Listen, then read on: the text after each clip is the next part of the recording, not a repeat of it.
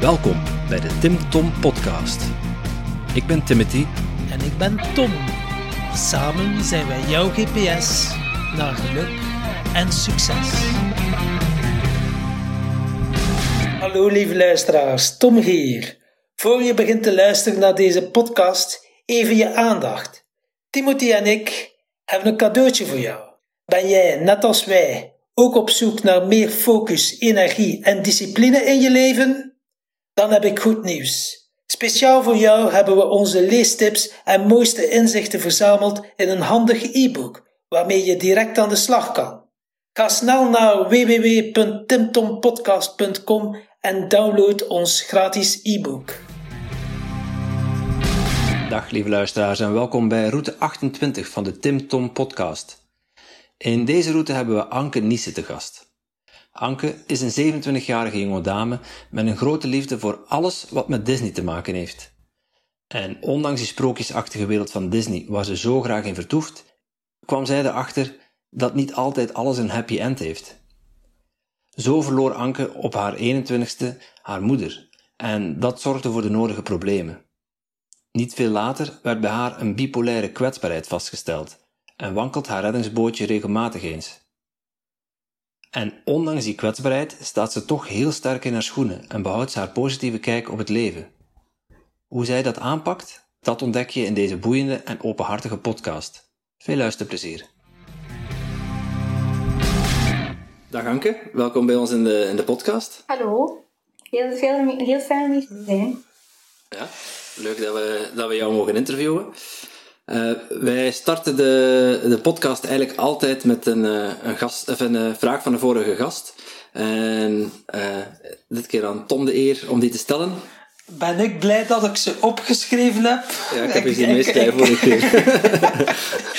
Oké, okay, dus er was een, een vraag van Johan. En, iemand die gespecialiseerd is in time management. En zijn vraag was: Wat is je grootste uitdaging die je hebt overwonnen? Oeh, dat is al direct een moeilijke om mee te beginnen. um, ik heb er even moeten nadenken over mijn grootste uitdaging. Ik denk op zich toch wel um, gewoon gelukkig zijn in het leven. Dat dat waar dat ik wel dagelijks aan moet werken. Um, maar ik denk toch dat ik daar al hele grote stappen in ondernomen heb op dit moment. Er zijn tijden geweest dat dat wat minder was, maar uh, nu kan ik zeker wel zeggen dat ik me gelukkig voel. Dus uh, ik denk toch wel dat dat een van de grootste dingen is die ik tot nu toe overwonnen heb. Ja. Oké. Okay. En uh, zo gelukkig worden in uw leven, wat, wat, houdt, dat voor, wat houdt dat voor u in? dat zijn eigenlijk gewoon heel veel kleine dingen. Uh, s morgens opstaan en gewoon goesting hebben om aan de dag te beginnen, zal ik maar zeggen. Um, S'avonds gaan slapen en niet nog lang liggen te piekeren in bed of wat dan ook. Heel gelukkig zijn met mijn man ook. Ik ben gelukkig getrouwd, twee jaar ondertussen. Um, dat zijn eigenlijk een beetje de belangrijkste dingen. Alle kleine dingen in het leven die uh, meezitten, zal ik maar zeggen, om daar toch positief uh, mee om te gaan. Ja. Mm -hmm.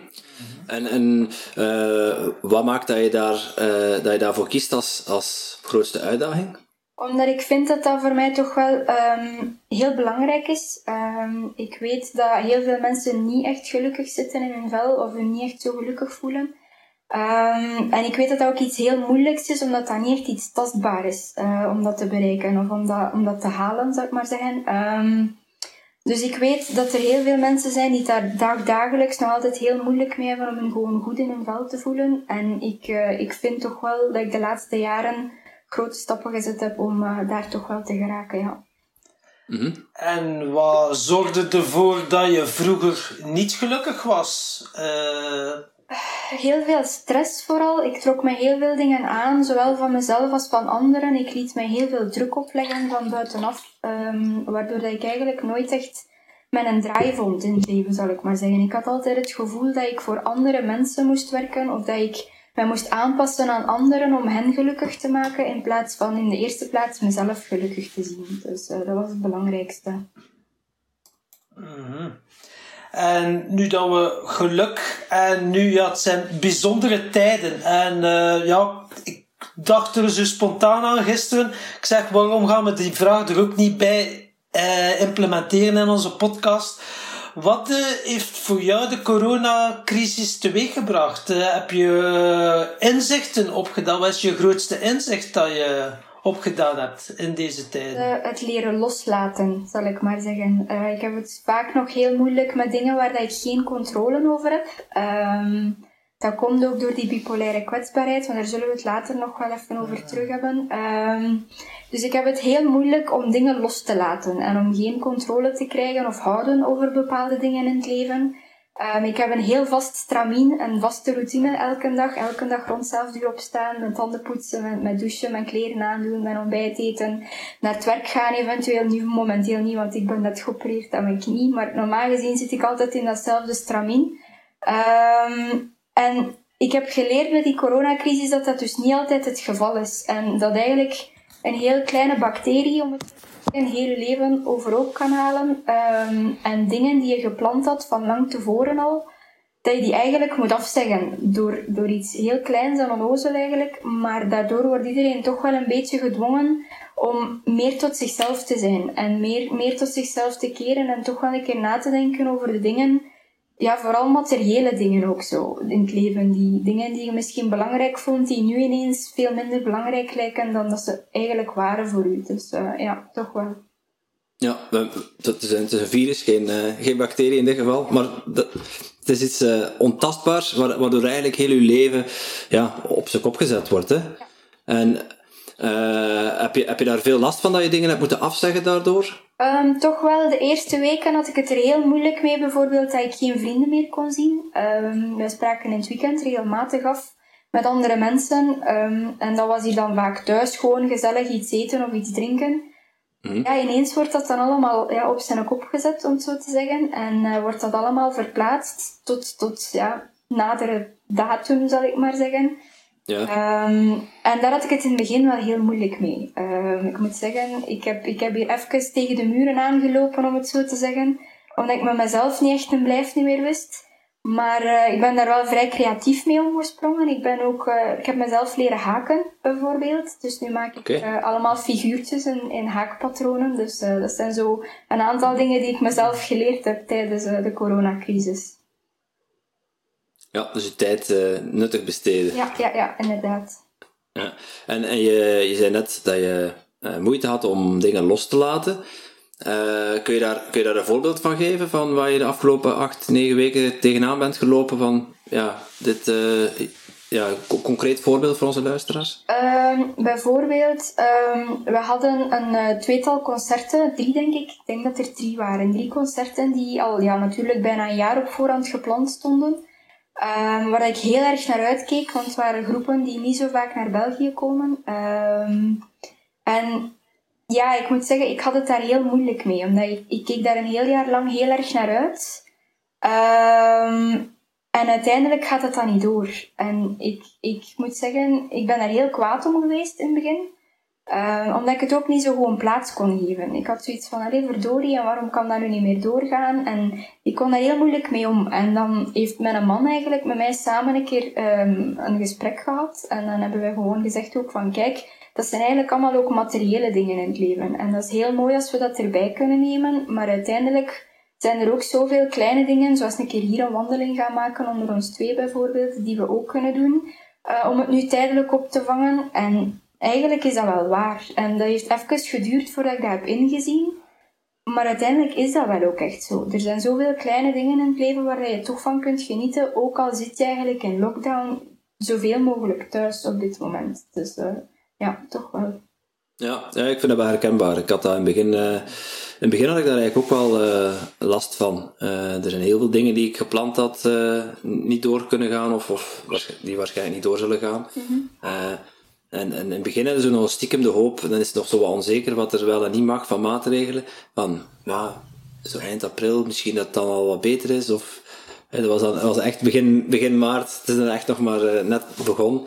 Uh, hadden dan het idee van, ja, misschien waterkansje, het is nog niet afgezegd. En dan zeggen ze het uiteindelijk af en dan baalden daarvan. Maar ja, uiteindelijk zijn dat wel ja, materialistische dingen die je ja, makkelijk kunt vervangen uh, door ja, andere kleine dingen waar je ook plezier uit kunt halen. Maar het is niet, niet zo gemakkelijk om in één keer die knop om te draaien, denk ik. Nee, zeker niet. Zeker niet. En ehm, hoe, hoe heb jij dat voor elkaar gebokst?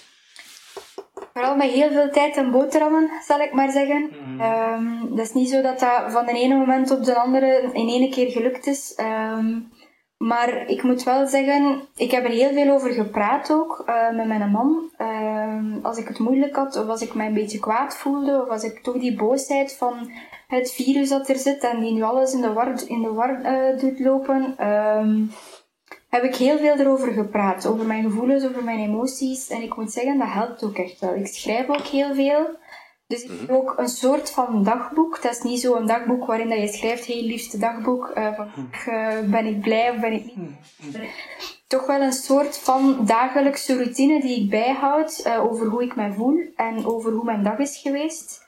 Ehm, en ik merk wel dat dat mij heel veel geholpen heeft om, om daar door te komen, zal ik maar zeggen. Om dat toch ergens een plaats te kunnen geven op termijn. Ja. En jij zegt, ik schrijf veel. Schrijf je dan ook, eh, ja, schrijf je dan je emoties van je af? Of heb je daar een bepaald, bepaald doel bij, bij dat schrijven? Ehm, het is in eerste instantie vooral voor mezelf dat ik veel schrijf, omdat ik merk dat het schrijven heel erg helpt ehm, om emoties onder andere van mij af te schrijven en om, om bepaalde situaties waarin dat ik mij ehm, gevonden heb gedurende de dag of de week, om mm, die van mij af te schrijven, zal ik maar zeggen. Ehm, nu, ehm, onlangs, laten we zeggen, allee, onlangs, het is een maand of vier, vijf geleden denk ik, heb ik wel het idee gekregen om ook echt een boekje te schrijven. Ehm, En daar wil ik ook echt wel andere mensen mee kunnen helpen. Dus dat is eh, mijn voornaamste doel daarbij toch wel, ja. Een boekje schrijven. Eh, dan, je vertelde al eh, kort tegen ons van, eh, dat het over bipolaire kwetsbaarheid gaat. Ehm, ik wil dat toch even aanhalen. Wanneer had je voor de eerste keer door van er mankeert iets bij mij? En dan zeker bipolaire kwetsbaarheid. Leg misschien eerst even kort uit wat dat, precies betekent. Ehm, dus bipolaire kwetsbaarheid is eigenlijk het vroeger gekende als manische depressie, zal ik maar zeggen. Dat kennen misschien meer mensen ook dan echt bipolaire kwetsbaarheid. Ehm, wat wil dat eigenlijk juist zeggen? Dat is ehm, dat uw leven heel moeilijk in balans te houden is. Uw gedachten zijn heel moeilijk in balans te houden, uw emoties zijn heel moeilijk in balans te houden, waardoor dat je heel veel hoge hoogtes kent, maar ook heel veel lage laagtes kent. En dan ga je dus eigenlijk ofwel naar manie, dus naar het hogere, ofwel naar depressie, dus naar ja, effectief het, het lagere, zal ik maar zeggen, van ingesteldheid. Ehm, dat is een beetje in een notendop wat manische depressie of bipolaire kwetsbaarheid juist is. Ehm, er komt natuurlijk zoveel meer bij kijken dan enkel maar wat gemoedswisselingen. Ehm, maar in een notendop is dat ongeveer wel een beetje wat het, wat het zou moeten eh, zijn, zal ik maar zeggen.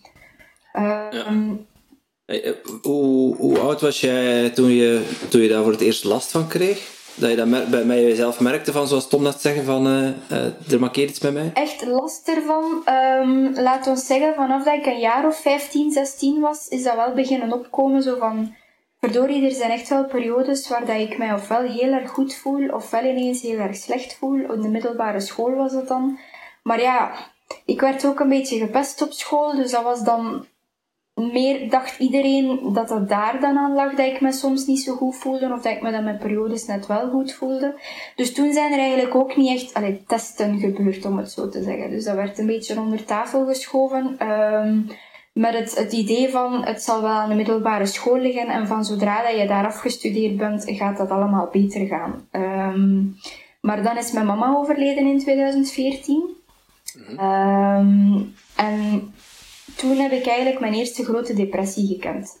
Wat ook een beetje logisch is, naar aanleiding van het verlies van mijn mama. Ehm, maar toen merkte ik ook echt wel dat dat heel veel langer duurde dan dat dat eigenlijk had moeten duren, dat rouwproces. En dat slecht voelen en echt gewoon heel donkere gedachten krijgen ook. Ehm, toen had ik echt zoiets van, hier klopt iets niet. En toen zijn we bij de huisdokter geweest eerst. En die dacht toen dat het een gewone unipolaire depressie was. Daar heb ik toen ook antidepressiva voor gekregen. Eh heb ik toen een tijdje geslikt. Maar eigenlijk na een jaar eh, ben ik dan een manie beginnen krijgen. Mijn eerste manische episode. Ehm, en toen is eigenlijk ook bij de huisdokter het belletje gaan rinkelen van kijk, oei, daar is toch iets meer aan de hand dan enkel maar depressie door het verlies van haar moeder. En toen ben ik ook doorgestuurd naar een psychiater en die heeft dan effectief de diagnose bipolaire kwetsbaarheid gesteld. Ja, dan zit er een, dan plakken ze eigenlijk een stekkertje op je voorhoofd. Uh, maar um, waar ik wel benieuwd naar ben, van, je, je, uh, je zegt van, ik kwam dan in zo'n manische periode terecht. Hoe, hoe uitzicht dat bij jou? Bij mij is dat vooral, uh, ik word heel erg enthousiast over de stomste dingen. Uh, bij wijze van spreken, spaghetti is mijn lievelingseten. Als ik wist dat we die een dag spaghetti gingen eten, was ik door het dolle heen.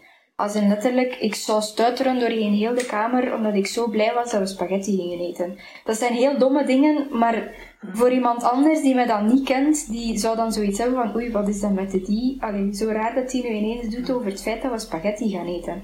Um, wat was dan nog? Heel weinig slapen um, en toch uitgerust zijn. Dus ik had vaak maar behoefte aan 2 à 3 uur slaap per nacht en toch werd ik klaar wakker s'morgens. En uh, ja, kon ik gaan werken, kon ik heel de dag aan.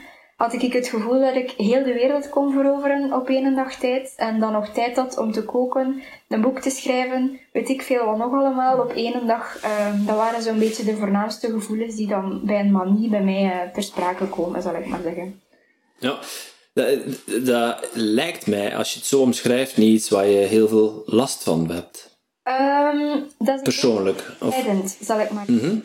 kun, je dat, kun je dat wel uitleggen? Voor mezelf is dat misschien niet zo heel erg lastig, omdat ik, ik ben heel vrolijk natuurlijk heel de tijd als ik uh, in manie ben. Um, ik ben ook aangenamer, zal ik maar zeggen, om mee te praten. Niet dat ik dat anders niet ben, maar ik zal zeggen, ik praat meer dan als ik manisch ben. Ik ben ook vrolijker, um, ik ben veel socialer als ik manisch ben.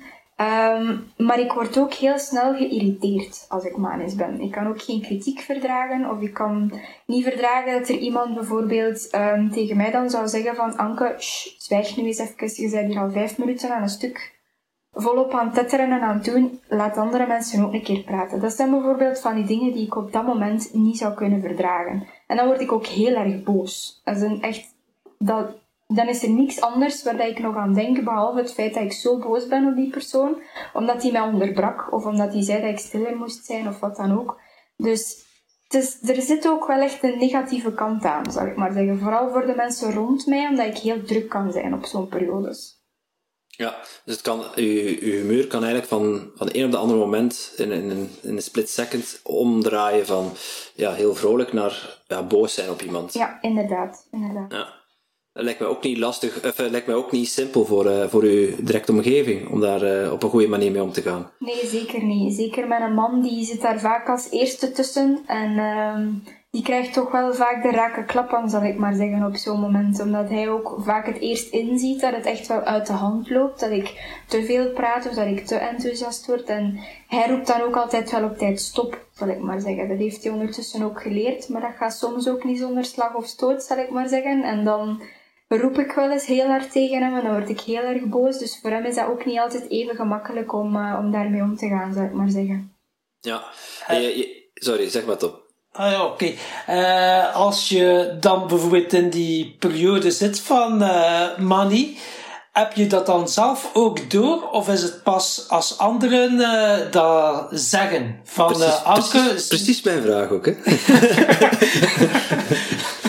um, ik heb het vaak van mezelf niet door als ik in manie zit. Mm -hmm. um, zeker niet als het zo de beginfase is, als ik zo wat enthousiaster begin te worden dan normaal, of als ik zo net iets vrolijker ben dan normaal, dan is het voor mij nog heel moeilijk om zelf in te zien van oei, het loopt hier stilaan uit de hand. Um, en dan is het ook echt vaak mijn man of mijn beste vriendin die tegen mij zegt van Anke, let wel op.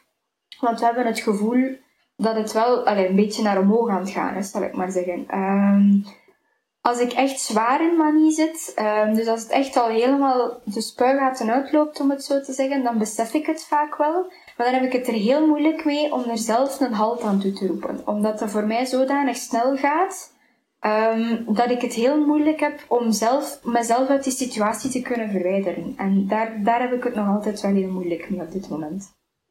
Ja, uh, en kun je... Um Zeg dat als mensen tegen jou zeggen van uh, Anke, let op, uh, het stijgt weer naar uw kop. Kun, kun je dan, hoe, op wat voor manier pak je dat aan? Om, je zegt, ik heb daar moeite mee, maar betekent wel dat je daar stappen, ondertussen stappen in gemaakt hebt om dat proces wat tegen te gaan, of, of in ieder geval te temperen. Um, vooral proberen in het nu te zijn. Um, mijn therapeut heeft mij ook geleerd, om, Tom trouwens ook, um, om vooral te leren als het heel druk wordt in mijn hoofd en heel veel chaos in mijn hoofd wordt, om te proberen in het nu te leven en niet te veel te denken aan wat ik straks nog moet gaan doen of wat ik morgen moet doen of volgende week moet doen. Maar echt een keer goed de kamer rondkijken bijvoorbeeld. Um, en echt een aantal dingen hardop benoemen. Of als ik buiten ben, een keer een wandeling gaan maken. Een keer echt een aantal dingen hardop benoemen. Een boom, uh, het hek, het witte hek dat daar staat. Uh, Zo'n dingen allemaal. Uh, om echt te proberen hier en nu te zijn. En niet te veel in de toekomst te proberen leven. Omdat dat ook vaak de, de oorzaak is van mijn chaos in mijn hoofd, zal ik maar zeggen. Is omdat ik zoveel dingen in mijn hoofd steek die ik nog wil doen, of zogezegd moet doen volgens mijn gedachten, dat ik het heel mhm. moeilijk heb om hier en nu aanwezig te zijn. Dus uh, dat probeer ik ook echt wel. Ik ken iemand die daar een heel goed systeem voor heeft. Dat is mijn collega Timothy. Dat is, uh, die heeft een systeem, Getting Things Done, om al uw ideeën en al uw gedachten uit uw hoofd te zetten. Ja, het, is niet, het, is, het, is, niet mijn systeem, het is van David Allen. Maar... van David Allen. Uh, doe jij dat soms ook als je ideeën of gedachten hebt om het uit je hoofd te schrijven, zodat het uh, niet meer in je hoofd zit? Ja, dat doe ik heel vaak. Ik maak ook heel veel lijstjes. Um, voor de domste dingen eigenlijk, omdat me dat helpt om dingen echt uit mijn hoofd te halen. Uh, als ik met heel veel um, chaos in mijn hoofd zit, heel veel gedachten in mijn hoofd zit, probeer ik die ook echt allemaal één voor één te benoemen en op te schrijven, zodanig dat die uit mijn hoofd geschreven worden, zal ik maar zeggen. Dus uh, dat helpt ook echt wel. Ja, ik, ik word helemaal wild van het woord lijstjes. Dus uh, uh, domme lijstjes, waar moet ik dan aan denken? Um, lijstjes, ik maak voor van alles en nog wat lijstjes. Dus iedereen kent wel het, het, het boodschappenlijstje en dergelijke. Dus, maar ik maak ook lijstjes voor hoe mijn dag er gaat uitzien. Dingen, mm bijvoorbeeld, um, vooral als ik een beetje manisch ben, of heel erg manisch ben, dat begint bij een beetje manisch en dan verergert dat als ik daar niet op tijd op ingrijp. Um, dus als ik merk dat ik manisch word, dan maak ik echt lijstjes en sta ik s ochtends op. En dan begin ik met mijn lijstjes. Wat doe ik dan? Dan maak ik lijstjes met prioriteiten en lijstjes met dingen die niet prioritair zijn.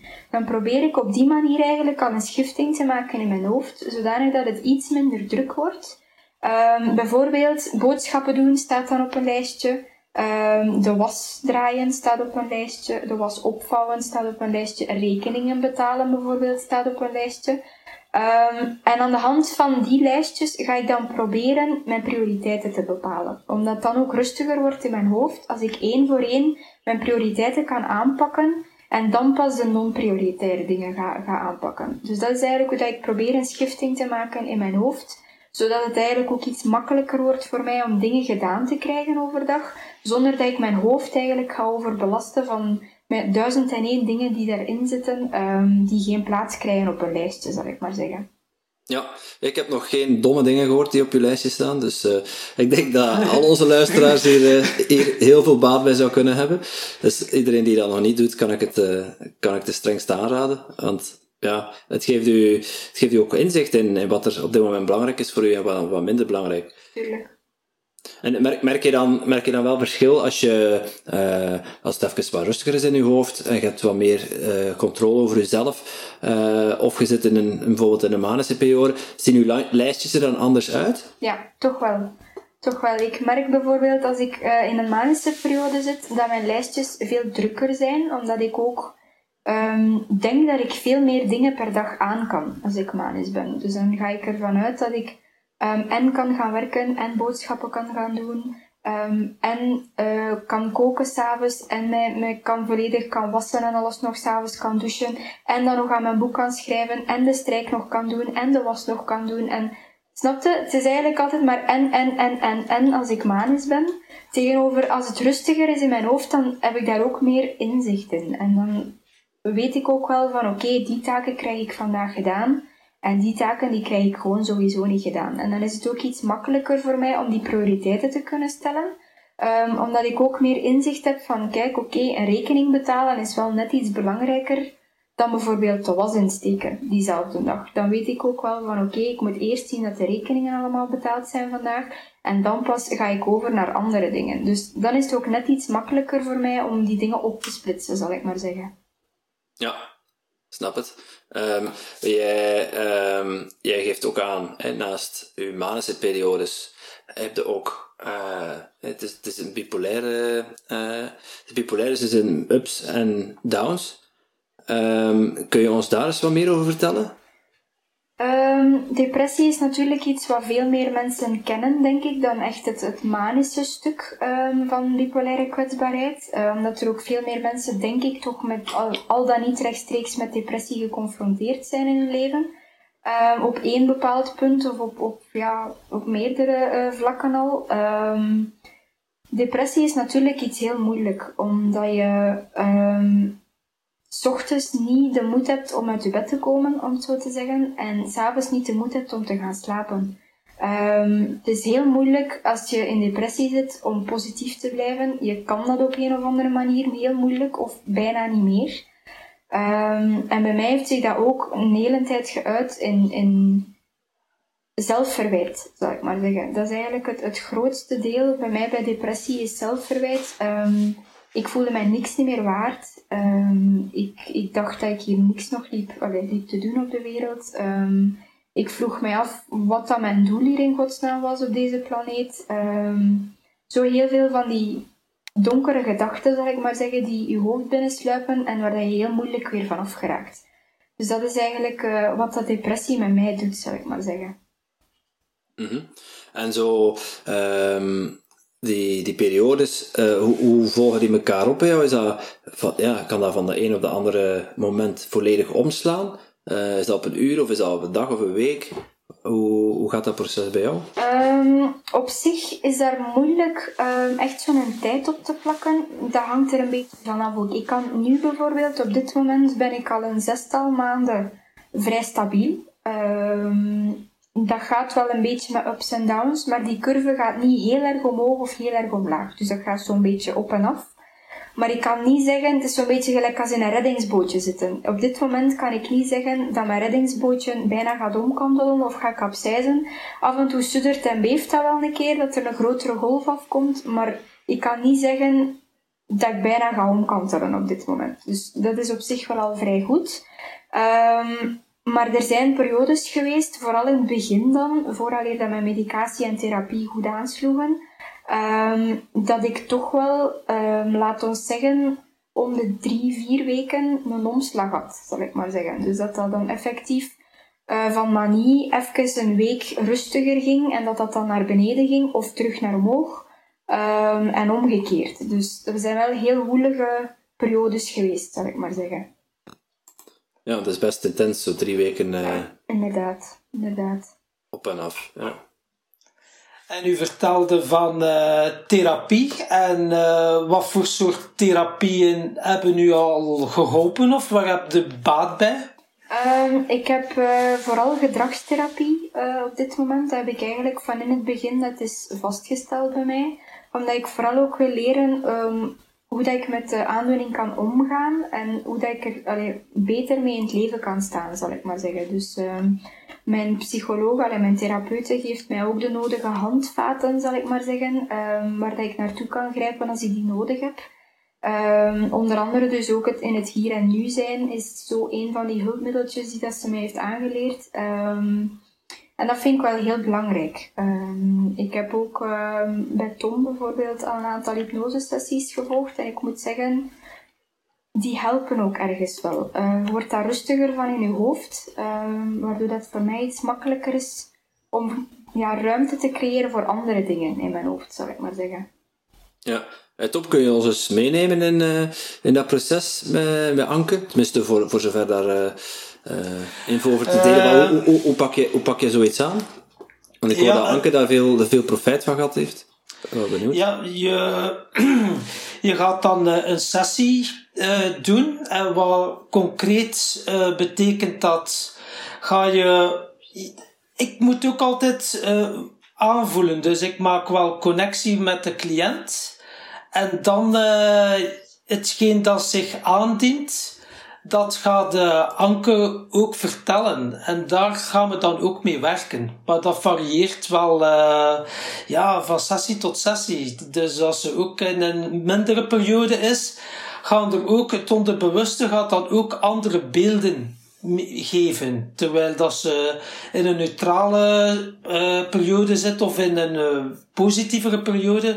Dus het hangt er ook altijd vanaf. En het onderbewuste kan u dan ook wel inzichten geven. Dus er komen beelden op, waardoor dat je dan achteraf denkt van. En dan ga je er nog over nadenken achteraf. Uh, spreek met tegenanken als het niet klopt. Maar zo heb ik het ik uh, ervaren. Dat je dan achteraf, tja, ja, dan wist ik niet dat mij dat bezig hield. Of dan wist ik niet dat dat zo'n impact op mijn leven heeft gehad. Dingen dat je bewust die bij stilstond, dat dan onbewust wel op een heel andere manier was opgeslagen in je systeem. Ja, dat is ook echt wel zo. Um, er zijn echt wel een aantal dingen naar boven gekomen ook, um, waar dat ik dacht dat ik, dat ik over was, zeg maar zeggen, of die ik dacht dat ik verwerkt had, die toch nog niet helemaal verwerkt waren. Waaronder dus ja, het verlies van mijn mama bijvoorbeeld, dat was zoiets iets heel ja, moet ik dat zeggen? Dat blijft natuurlijk een groot gemis elke dag. Maar ik dacht ja, absoluut, dat ik al, al veel verder stond dan dat ik uiteindelijk was als ik bij Tom die hypnosesessies gedaan had. En ik merkte ook wel dat dat toch nog voor een groot stuk, dat verdriet, dat dat toch nog voor een groot stuk niet weggewerkt was, zal ik maar zeggen. Want ik meen mij te herinneren zeker, dan hadden we een gesprek met je mama, hè? denk ik, tijdens die hypnosesessie. En uh, waardoor dat je dan ook dingen kunt vragen of zo en je onderbewuste... Ja de mensen die uh, weten wat hypnose is, uh, gaan nu wel begrijpen wat ik vertel. Voor andere mensen kan het wat spooky of wat zweverig klinken. Uh, dat is allemaal waar. wat ik ook mee, mee te zeggen, bij jou was het ook wel een dingetje omdat je ook wel een beetje sukkelt met je fysieke gezondheid dat heeft ook wel een serieuze, ja, dat heeft ook wel een serieuze weerslag op je, op je gemoed gehad. Hè? Dat je niet, kan je daar iets meer over vertellen? Uh, wat dat, dat precies is? Heeft dat verband met je bipolaire kwetsbaarheid? Misschien niet rechtstreeks. Ik bedoel, het is niet dat ik um, bipolaire kwetsbaarheid gekregen heb omdat ik een fysieke aandoening heb. Maar ik denk wel dat het erin meespeelt. Uh, om die balans ergens in mijn gedachten en in mijn emoties te kunnen houden en vinden, um, denk ik wel dat mijn, mijn fysieke aandoening ook een groot, een groot deel daarin in meespeelt, zal ik maar zeggen. Ik leid dus aan wat ze in het Nederlands noemen hypermobiliteitssyndroom. Uh, wat eigenlijk zoveel wil zeggen als elk ligament in mijn lichaam is te lang en te rekbaar, waardoor dat ik heel snel en heel makkelijk dingen uit de kom haal.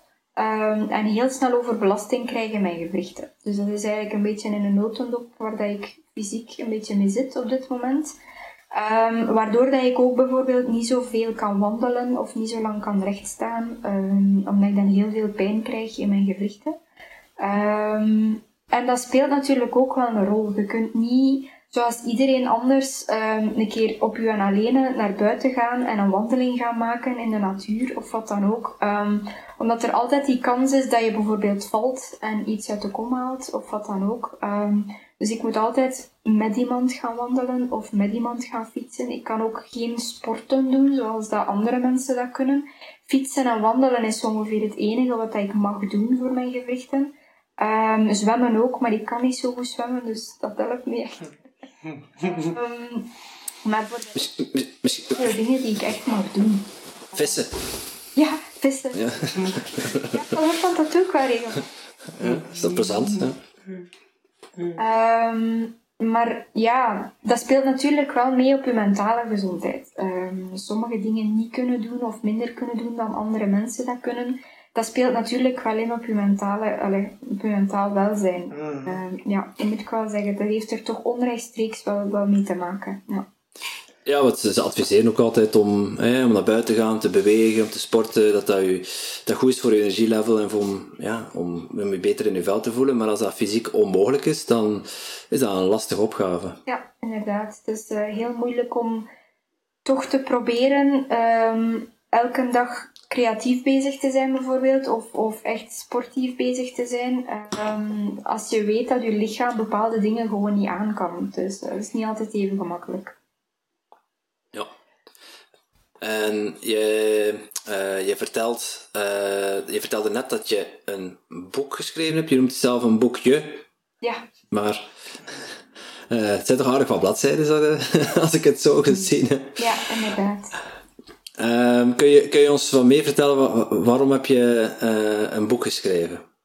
Um, ik vind dat er over bipolaire kwetsbaarheid nog niet zo heel veel ervaringsverhalen op de markt zijn. Er zijn er natuurlijk wel een aantal, uh, vooral in het Engels geschreven.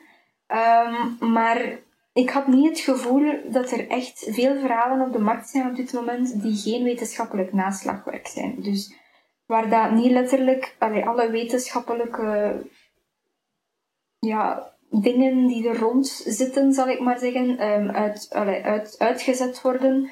Um, ik wou echt een, een, een boek schrijven over hoe ik het aanvoel en over hoe dat ik denk dat er heel veel mensen een bipolaire kwetsbaarheid aanvoelen. Ik ga niet zeggen iedereen uiteraard, want ik denk ook dat dat bij iedereen wel net iets anders is. Ook al zullen het in grote lijnen vaak dezelfde dingen zijn die terugkeren. Um, vond ik het toch wel belangrijk om um, een verhaal naar buiten te brengen waar mensen ook echt iets aan hebben, zal ik maar zeggen. Dat in mensentaal geschreven is en niet in dokterstaal bijvoorbeeld. Um, en waar mensen ook echt iets, iets zichzelf in kunnen herkennen, bijvoorbeeld op bepaalde vlakken. En zeggen van, ah ja, kijk, dat heb ik ook, of dat heb ik net niet, of, of zo van die dingen eigenlijk. Ja, dat is vanuit uw, vanuit uw persoonlijke ervaringen geschreven. Ja, inderdaad. En in dat boekje vinden mensen dan ook tips hoe dat je er met mee moet omgaan? Uh... Ja, effectief. Dus ik heb ook eh, een aantal hulpmiddelen beschreven uh, in het boekje. Um, hulpmiddelen die mij helpen, bijvoorbeeld. Um, zoals bijvoorbeeld therapie. Um, ik ga ook naar een praatgroep hier in Leden. Ups and Downs heet die. Vrij toepasselijk qua naam. en daar helpt het ook heel erg om daar naartoe te gaan. Dat is eigenlijk elke tweede dinsdag, denk ik dat het is, van de maand. Um, en daar zitten lotgenoten bij elkaar, maar dus ook familie of naasten of vrienden van lotgenoten. Um, en daar wordt dan eigenlijk elke keer over een bepaald thema rond bipolaire kwetsbaarheid wordt daar dan gepraat. Dat duurt ongeveer een tweetal uurtjes. Um, en ik vind dat heel interessant, omdat je daar ook inzichten krijgt van andere mensen. Die eigenlijk hetzelfde meemaken als jij. En die toch ook proberen op hun manier um, daardoor sterker in het leven te staan, zal ik maar zeggen. En zich daar niet door laten doen. Um, daar zitten vaak ook mensen bij die voor de eerste keer komen, die zelf nog niet zo goed een draai gevonden hebben, zal ik maar zeggen, met bipolaire kwetsbaarheid. En die nog een beetje zoekende zijn van wat er voor hun precies helpt. En ik denk ook dat ik bijvoorbeeld in die groep met mijn, met mijn boek um, heel veel kan bereiken. Omdat daar ook heel veel mensen zijn die nog wel wat tips zoeken. Maar ook los daarvan, gewoon mensen die net de diagnose gekregen hebben of die een uh, familielid of een vriend, vriendin hebben die de diagnose heeft gekregen. Ik denk dat zowel lotgenoten zelf als de familie of omgeving van lotgenoten heel veel aan dat boek kan hebben. Dus uh, daarom heb ik het eigenlijk geschreven ook. Ja, en eh, staan er ook tips in over uh, hoe je met mensen met, een, met, met zo'n aandoening moet omgaan als buitenstaander? Ja, ja, dat heb ik ook echt wel proberen te beschrijven. Bijvoorbeeld, um, stel nu, ik heb bijvoorbeeld een situatie beschreven ook waarin dat ik persoonlijk manisch was en waar dat ik heel snel kwaad werd op de mensen. Um, van zodra dat ik kritiek kreeg, dat heb ik dus daarnet ook even aangehaald al. Dat heb ik ook echt letterlijk beschreven in mijn boek. Dus daar heb ik ook echt de hele situatie uitgelegd en gezegd van kijk, moest het zijn dat iemand uit je omgeving op die moment echt heel kwaad wordt, eigenlijk zonder reden, zal ik maar zeggen. Um, probeer je dat ook niet te veel aan te trekken. Dat komt ook echt enkel en alleen omdat er zoveel gedachten in ons hoofd zitten op dat moment, dat we echt geen ruimte hebben om daar dan nog iets bij te nemen, zal ik maar zeggen. Um, er zijn zo'n aantal situaties die ik echt specifiek beschreven heb, die voor mij dan het geval waren. Um, en die misschien ook wel andere mensen kunnen helpen om een beetje meer inzicht te krijgen in de aandoening. Ja. ja, en het is misschien ook herkenbaar voor mensen die, die niet die aandoening hebben, maar ehm, ja, in, in, in, een lichte vorm daar misschien last van hebben. Ja, inderdaad. Inderdaad, mensen die niet specifiek de bipolaire kwetsbaarheid hebben, maar die wel bijvoorbeeld gevoelig zijn aan gemoedswisselingen of zo. Um, dat kan bijvoorbeeld ook echt wel helpend zijn om, om wat meer inzicht te krijgen van oké, dit kan ik bijvoorbeeld doen als ik me boos voel, of dit kan ik doen als ik, als ik me triest voel, of, of als ik me slecht voel, of als ik me net iets te goed voel. Dus ik heb echt wel geprobeerd om er een aantal tips in te steken ook. Ja. Ja. Wat, wat helpt bijvoorbeeld voor jou als je in zo'n uh, depressieve periode zit? Wat, wat doe je dan? Zo door de jaren heen zou je waarschijnlijk ook al een strategie ontwikkeld hebben om daar sneller uit te geraken. Ja, depressie uh, heb ik bij mij gemerkt, uh, daar geraak ik alleen maar vanaf door echt geforceerd tegengesteld gedrag te gaan gebruiken. Dus de logische ontwikkeling bij depressie, bij de meeste mensen althans, is dat ze zich gaan afsluiten van de wereld en geen sociaal contact meer opzoeken. Um, ik heb ondertussen geleerd dat het heel belangrijk is om dat net wel te blijven doen. Ook al zegt alles in je lichaam op dat moment van nee, we willen het niet, of ik ben er niet klaar voor, of ik heb er geen zin in. Het is heel belangrijk om dat toch te blijven doen, omdat dat de enige manier is om uw hoofd en uw lichaam ervan te overtuigen dat er meer is dan u alleen maar slecht voelen. Dat er zoveel kleine dingen zijn, dagdagelijks, waar dat je van kan genieten. En dat kan je maar alleen als je ook effectief uit je bed komt, s ochtends. Um, door hele dagen in je bed te liggen en aan zelfverwijt te liggen doen, ja, daar komt niemand verder mee natuurlijk. Dus um, in het begin is dat heel erg moeilijk uh, om die knop om te draaien en om toch te zeggen van ik ga dat doen en ik ga toch met die vriendin bellen vandaag en gewoon echt zeggen ik voel me super slecht vandaag, maar ik heb echt nood aan een babbel met iemand. In het begin was ik daar ook heel bang voor, omdat ik zoiets had van ik ga de mensen daarmee lastigvallen en ik doe dat niet graag en de mensen gaan dat niet willen horen en ze gaan, allee, ze gaan hun dan ook slecht voelen als ik, ik me slecht voel. Maar dat is echt een knop die je moet omdraaien. Pas op, ik zeg niet dat je dat met Jan en alle man moet gaan doen. Hè. Dat je daar tegen iedereen moet gaan zeggen, slecht of wat dan ook. Maar zoekt u gewoon een aantal vertrouwenspersonen uit. Um, dat kan uw ouders zijn, dat kan een vriendin zijn, dat kan uw, uw man zijn, of uw vrouw zijn, of uw vriendin zijn. Eender wie, maar zoekt u minstens één vertrouwenspersoon uit waar dat je altijd bij terecht kan. En waar dat je ook niet bang voor bent om die persoon te contacteren als je je echt niet goed voelt. Want het helpt echt. Ook al lijkt het in het begin misschien niet zo, maar echt waar, het helpt enorm om uh, een vertrouwenspersoon in te schakelen en daar gewoon je verhaal bij te doen. En voel je slecht, ja kijk, dan voel je ook gewoon slecht. En dan zegt je gewoon ook eerlijk tegen die persoon van kijk, vandaag gaat het niet, ik krijg niks gedaan vandaag. En ik merkte bij mezelf wel dat dat elke keer nadat ik dan het telefoongesprek beëindigd had bijvoorbeeld, dat ik mij een stuk beter voelde. En ik ga niet zeggen dat ik dan ineens uit die depressie uit was, maar ik had toch net iets meer moed om mijn dag verder te zetten, zal ik maar zeggen. En het zijn die kleine beetjes waar dat je vooral aan moet optrekken als je in depressie zit. Dat is heel belangrijk.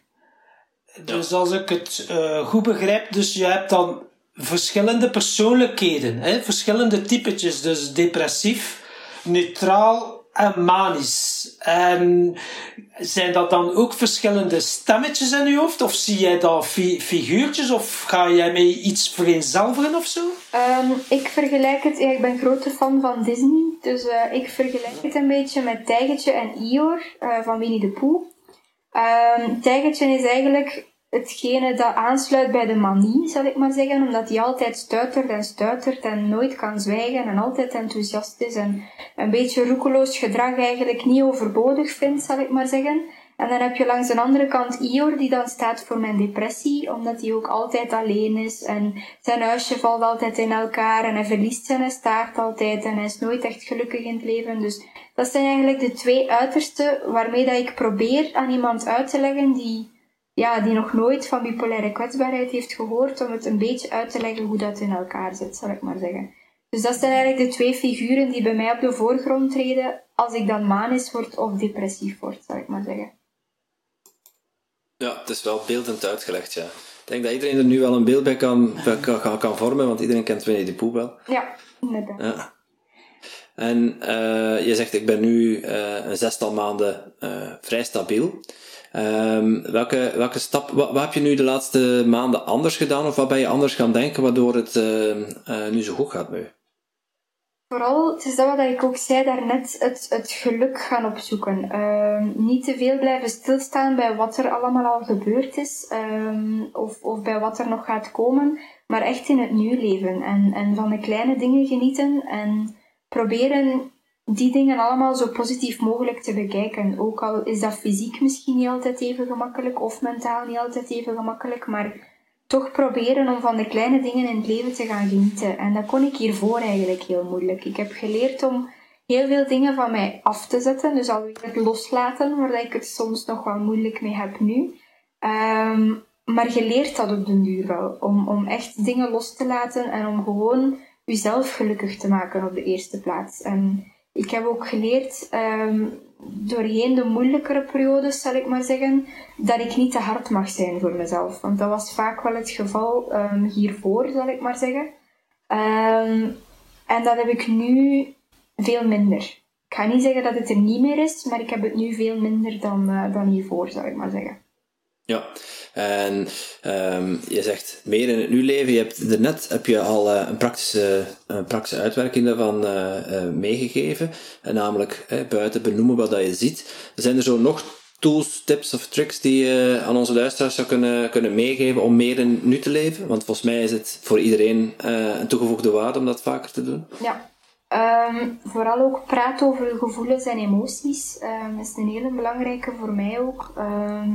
Met jezelf of met je partner? Um, zowel met mezelf, voor mezelf als met mijn partner, zal ik maar zeggen. Um, maar wees niet bang om dingen te benoemen die je voelt. Um, het is heel belangrijk om daarover te praten als je je goed voelt, als je je slecht voelt. Als je bang bent bijvoorbeeld voor bepaalde zaken, uh, je voelt een bepaalde angst of wat dan ook, is het heel belangrijk om dat te durven benoemen en om daar niet mee te blijven zitten. Um, want dat zorgt eigenlijk alleen maar voor een soort stress en druk op jezelf. En ik heb geleerd dat door erover te praten, dat die dingen ook automatisch veel minder worden. Dus dat is wel nog een hele belangrijke.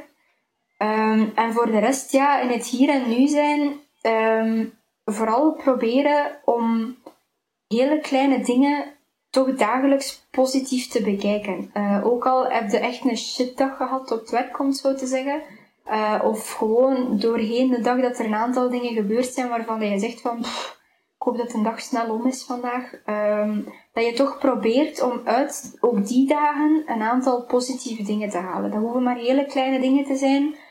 Um, iets dat je lekker gekookt had, of iets dat je vriend of vriendin, man of vrouw lekker gekookt had.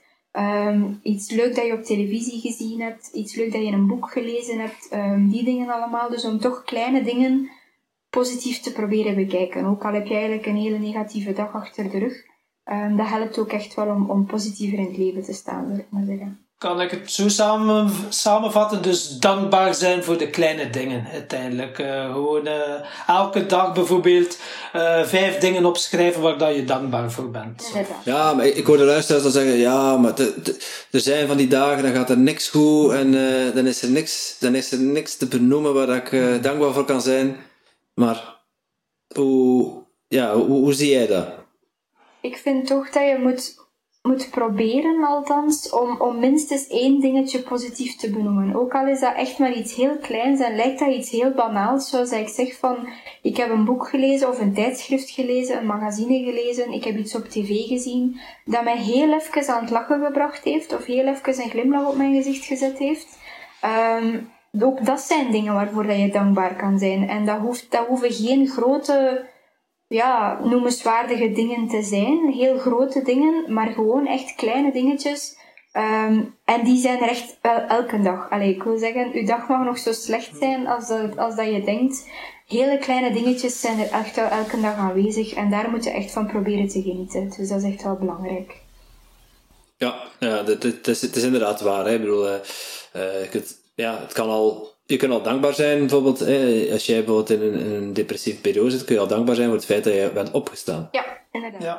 Dat is soms al een hele opgave. En uh, als, je, als je soms als je depressief voelt of wat dan ook, kan het echt wel al een hele opgave zijn en, en een hele grote overwinning door effectief s ochtends uit je bed te komen en je een douche te nemen, je aan te kleden en naar beneden te gaan. Dat is bijvoorbeeld al een overwinning op zich. Dus ook al lijkt het dan alsof dat de rest van die dag eigenlijk alleen maar gepieker was en, en slechte gedachten of wat dan ook. Het feit dat je ochtends al uit je bed gekomen bent, dat bewijst al dat je de goede ingesteldheid hebt. En dat de rest van die dag dan net iets minder positief verloopt of gewoon echt helemaal niet verloopt zoals je had gehoopt, daar moet je dan proberen een beetje te relativeren en te kijken van oké, ik ben s ochtends uit mijn bed gekomen, dat is al een overwinning op zich. En zo moet je proberen elke overwinning op te stapelen tot wanneer je je goed genoeg voelt om effectief terug grotere dingen te gaan aanpakken. Ja, dat is mooi. En uh, het, is, natuurlijk ook zo dat als je daar bewuster mee bezig bent en, en denkt van uh, die positieve dingen te benoemen, dat je, dat je jezelf er ook wel in traint om daar gedurende de dag beter op te letten. Van, ah ja, dit is wel iets waar ik vanavond aan kan denken als ik uh, ga overdenken welke positieve dingen dat ik heb meegemaakt vandaag. Ja, inderdaad. Ik heb ook altijd een notitieboekje bij, bijvoorbeeld. En als er zo kleine dingetjes zijn gedurende de dag, waarvan dat ik denk, oei, tegen vanavond ben ik dat misschien vergeten of wat dan ook. Ik schrijf het ook altijd direct op. En dat hoeft geen een hele brief te zijn, maar gewoon heel kort. Uh, of in mijn telefoon of in mijn notitieboekje van kijk, dit was nu even positief, vanavond meenemen. En dan weet ik dat ook. Als ik s'avonds in mijn dagboek schrijf, weet ik ook echt van oké, dit zijn de dingetjes die ik kan benoemen die echt wel positief gegaan zijn vandaag. Ja, mooi. Heel mooi. Je weet misschien, onze podcast is een podcast uh, over geluk en succes. En we hebben ook altijd twee standaardvragen voor onze gasten. En een van die vragen uh, is: wat is jouw definitie van geluk? Vooral jezelf graag zien. Uh, dat is voor mij een hele belangrijke. Om gelukkig te kunnen zijn, moet je jezelf graag zien. En dat is iets waar ik nog altijd dagelijks aan werk. Ik denk dat dat ook nog wel een hele tijd gaat duren vooraleer dat ik echt kan zeggen van nu ben ik 100% tevreden met mezelf. Maar er zijn tijden geweest dat het veel slechter was. Um, en dat heb je echt wel nodig om gelukkig te zijn. Gewoon echt jezelf graag zien. Mooi. Mooi. En, en wat is voor jou een, een definitie van succes? Um, niet zozeer um, heel materialistische dingen zoals um, professioneel vlak bijvoorbeeld, um, carrière maken of wat dan ook. Dus voor veel mensen zal dat misschien wel zo zijn. Maar voor mij is succes vooral erin slagen om op het einde van je levensjaren te kunnen zeggen van kijk, ik heb een goed leven gehad en ik heb mensen rondom mij kunnen helpen, kunnen inspireren. En dat is voor mij het belangrijkste. Dat ik op het einde van mijn leven kan zeggen van kijk, het is het waard geweest. Ik heb mijn doel kunnen voor ogen houden en ik heb andere mensen kunnen inspireren. Ik heb anderen kunnen helpen en dan is het voor mij effectief een succesverhaal geweest. Zingeving. Ja, inderdaad. Ja. ja. Een mooie definitie. Die hebben we nog niet gehad, denk ik, hè, toch? Nee, die hebben we nog niet gehad. Bijdrage leveren aan het grote geheel. Ja, inderdaad. Oké. Mooi. Um, heb jij uh, um, tot slot nog een, uh, een, vraag voor onze volgende gast, Anke? Um, daar heb ik eigenlijk nog niet over nagedacht. ik er snel denken. Vraag voor de volgende gast.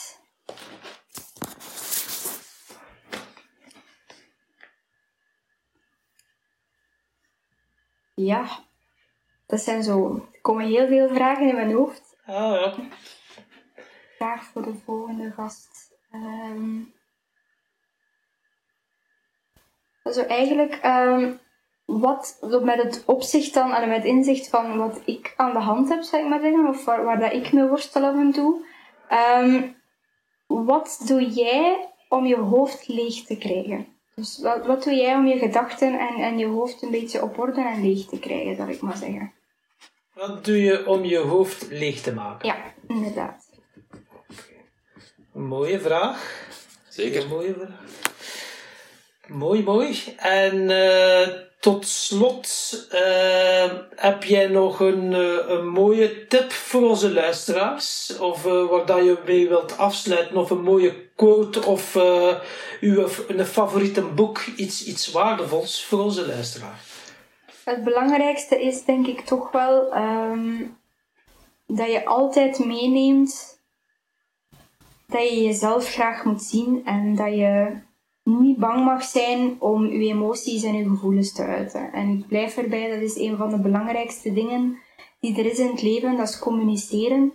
Ehm, dus communiceer met elkaar, uh, met jezelf, met anderen en probeer om zoveel mogelijk positief in het leven te staan en om um, uw gevoelens en uw emoties zoveel mogelijk te uiten. Dat is het belangrijkste, denk ik, dat ik kan meegeven aan iedereen. Mooie slotwoorden. Heel mooi. Oké, dankjewel Anke. Ja, nog dat graag gedaan. Dankjewel.